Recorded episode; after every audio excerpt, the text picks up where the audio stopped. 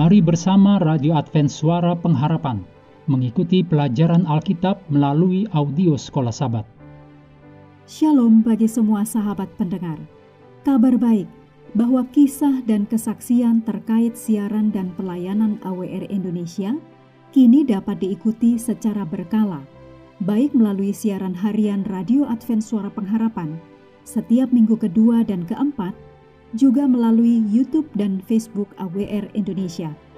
Terima kasih banyak untuk yang sudah menyampaikan dan masih terbuka bagi Anda semua untuk segera SMS atau telepon ke nomor AWR di 0821 1061 1595 atau di nomor 0816 1188 302 untuk WhatsApp dan Telegram.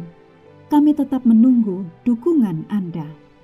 Selanjutnya kita masuk untuk pelajaran hari Minggu tanggal 24 Juli, judulnya Abraham dalam cawan lebur. Mari kita mulai dengan doa singkat yang didasarkan dari Yakobus 1 ayat 12. Berbahagialah orang yang bertahan dalam pencobaan, sebab apabila ia sudah tahan uji, ia akan menerima mahkota kehidupan yang dijanjikan Allah kepada barang siapa yang mengasihi Dia. Amin.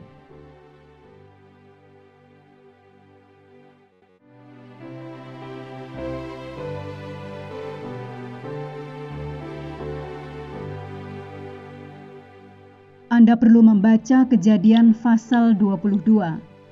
Ini tentang kepercayaan Abraham diuji. Entah dari mana dan tanpa penjelasan, Allah memanggil Abraham untuk mempersembahkan anaknya sendiri sebagai korban bakaran. Dapatkah Anda bayangkan bagaimana perasaan Abraham? Itu adalah ide yang benar-benar aneh, bahwa Allah yang suci harus meminta Abraham mengorbankan anak lelakinya sendiri. Bahkan jika Abraham berpikir bahwa ini dapat diterima, bagaimana dengan janji-janji Allah tentang keturunan? Tanpa anak lelaki Abraham, janji itu akan hilang. Mengapa Allah meminta Abraham untuk mempersembahkan korban ini? Jika Allah tahu segalanya, apa maksudnya? Permintaan Allah dan waktunya tidaklah acak.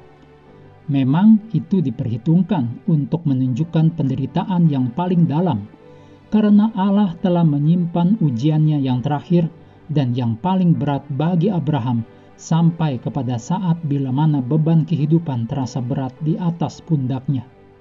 Dan Abraham rindu untuk beristirahat. Demikian kutipan dari Alfa dan Omega jilid 1 halaman 166 dan 167.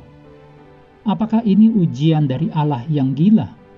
Sama sekali tidak, karena kesedihan yang ia derita selama hari-hari ujian yang gelap dan hebat itu dibiarkan terjadi kepadanya, agar dia dapat mengerti dari pengalamannya sendiri suatu mengenai kebesaran daripada pengorbanan yang diadakan oleh Allah yang Maha Kuasa untuk penebusan manusia. Demikian kutipan dari Alfa dan Omega jilid 1 halaman 173. Ini hanyalah sebuah ujian Allah tidak pernah bermaksud agar Abraham membunuh anak lelakinya. Ini menyoroti sesuatu yang sangat penting tentang cara di mana Allah terkadang bekerja. Allah mungkin meminta kita untuk melakukan sesuatu yang Dia tidak pernah ingin kita selesaikan. Dia mungkin meminta kita untuk pergi ke suatu tempat yang Dia tidak pernah ingin kita tuju. Hal yang penting bagi Allah belum tentu adalah tentang akhirnya, tetapi apa yang kita pelajari saat kita dibentuk kembali melalui prosesnya. Yesus mungkin sedang memikirkan pengalaman Abraham ketika dia berkata kepada orang-orang Yahudi, "Abraham bapamu bersuka cita bahwa ia akan melihat hariku, dan ia telah melihatnya, dan ia bersuka cita." Demikian ditulis dalam Yohanes 8 ayat 56. Abraham bisa saja melewatkan wawasan ini, mengabaikan perintah ini sebagai yang berasal dari iblis. Kunci untuk pembelajaran Abraham dan bertahan melalui seluruh proses adalah dia mengenal suara Allah. Bagaimanakah Anda mengetahui suara Allah? Bagaimanakah Anda tahu kapan Allah berbicara kepada Anda? Apa cara Allah berkomunikasi kepada Anda mengenai kehendaknya? Mengakhiri pelajaran hari ini, mari kembali kepada hafalan kita Yesaya 53 ayat 10. Tetapi Tuhan berkehendak meremukkan dia dengan kesakitan. Apabila ia menyerahkan dirinya sebagai korban penebus salah, ia akan melihat keturunannya, umurnya akan lanjut, dan kehendak Tuhan akan terlaksana olehnya.